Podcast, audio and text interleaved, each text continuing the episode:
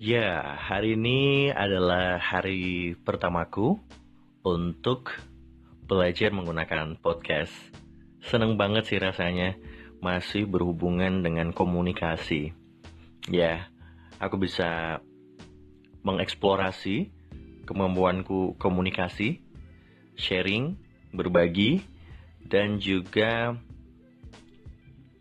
meningkatkan kemampuan komunikasiku.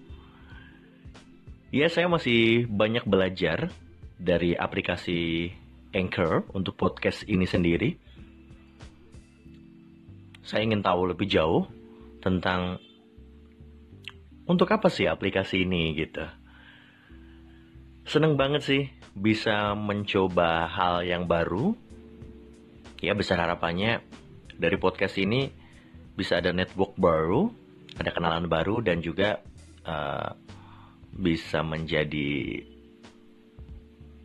tempat untuk bercerita ya, untuk sharing, berbagi banyak hal.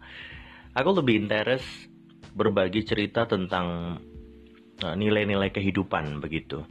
Karena proses panjang seseorang untuk meraih kesuksesannya, kesuksesan di karirnya, kemudian percintaannya, kesuksesan menjaga keharmonisan keluarganya, persahabatannya, atau apa pun itu, segala sesuatu yang berbau dengan proses itu adalah kaya akan experience.